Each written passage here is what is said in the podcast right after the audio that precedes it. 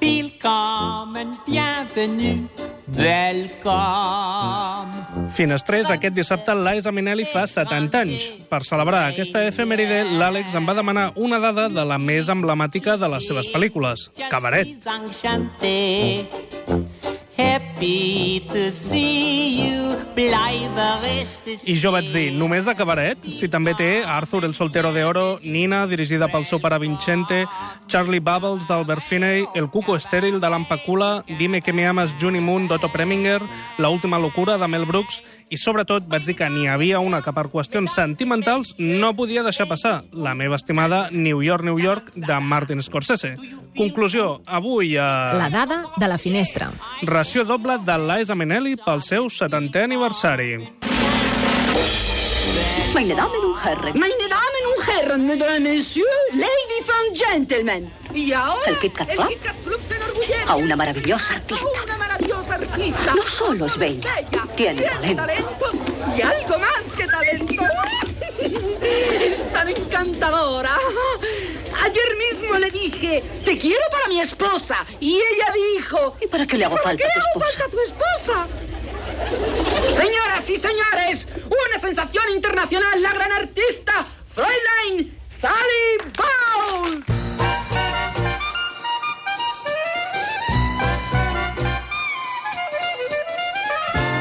Arrenquem amb Cabaret, el 1972. Va guanyar 8 Oscars, inclosos els de millor director per Bob Fosse i el de millor actriu per la mateixa Liza, però curiosament el de millor pel·lícula se li va escapar.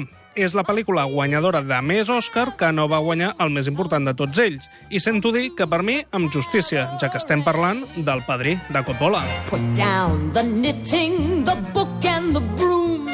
De fet, amb l'Oscar a la millor actriu es va convertir en la primera persona en guanyar un Oscar que ja havien guanyat els seus pares. Vincente Minelli el va guanyar el millor director per Gigi i Judy Garland en va guanyar un d'especial en categoria juvenil pel seu paper al Mac 2. Come hear the band.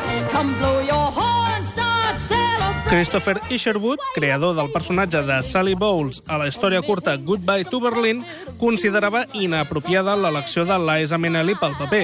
Segons ell, Sally era només una noia amateur amb talent encara per explotar. Al contrari de, cito literalment, la filla de Judy Garland.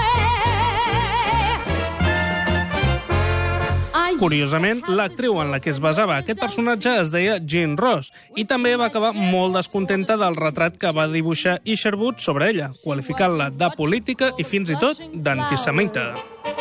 As a matter of fact, she rented by the hour. Molts dels interiors van ser rodats a Múnich, aprofitant els escenaris que tot just acabaven de deixar buit els responsables d'un mundo de fantasia, la versió de Charlie i la fàbrica de xocolata amb Gene Wilder interpretant a Willy Wonka. Like a queen. La ESA va dissenyar el seu pentinat i maquillatge amb l'ajuda del seu pare, Vincente Minelli. Billy Wilder i Gene Kelly van refusar dirigir el film abans de que fos acceptat per Bob Fosse.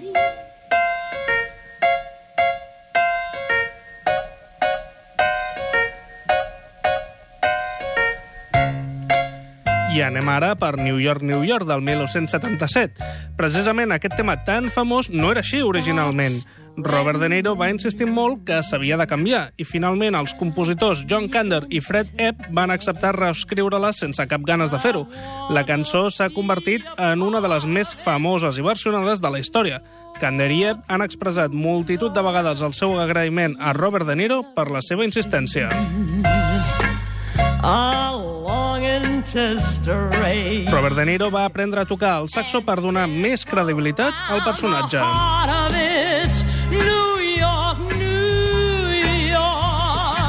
Segons Steve Prince, un dels actors del film, Liza Minnelli es va enamorar de Robert De Niro i Martin Scorsese a la vegada.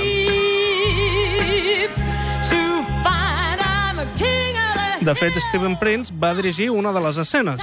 Sembla que Scorsese i De Niro van tenir una discussió tan forta que el director va marxar del rodatge cabrejat.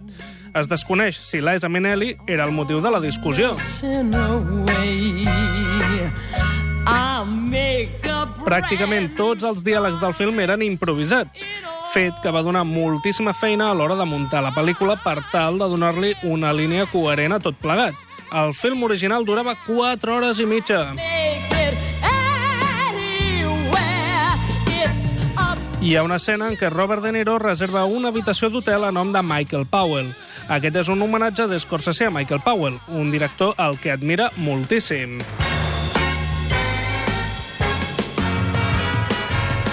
Segons el productor Irving Winkler, Robert De Niro es va passar tot el rodatge llegint obsessivament un llibre. El seu títol era Toro Salvaje. Ja sabeu com va acabar la història. that.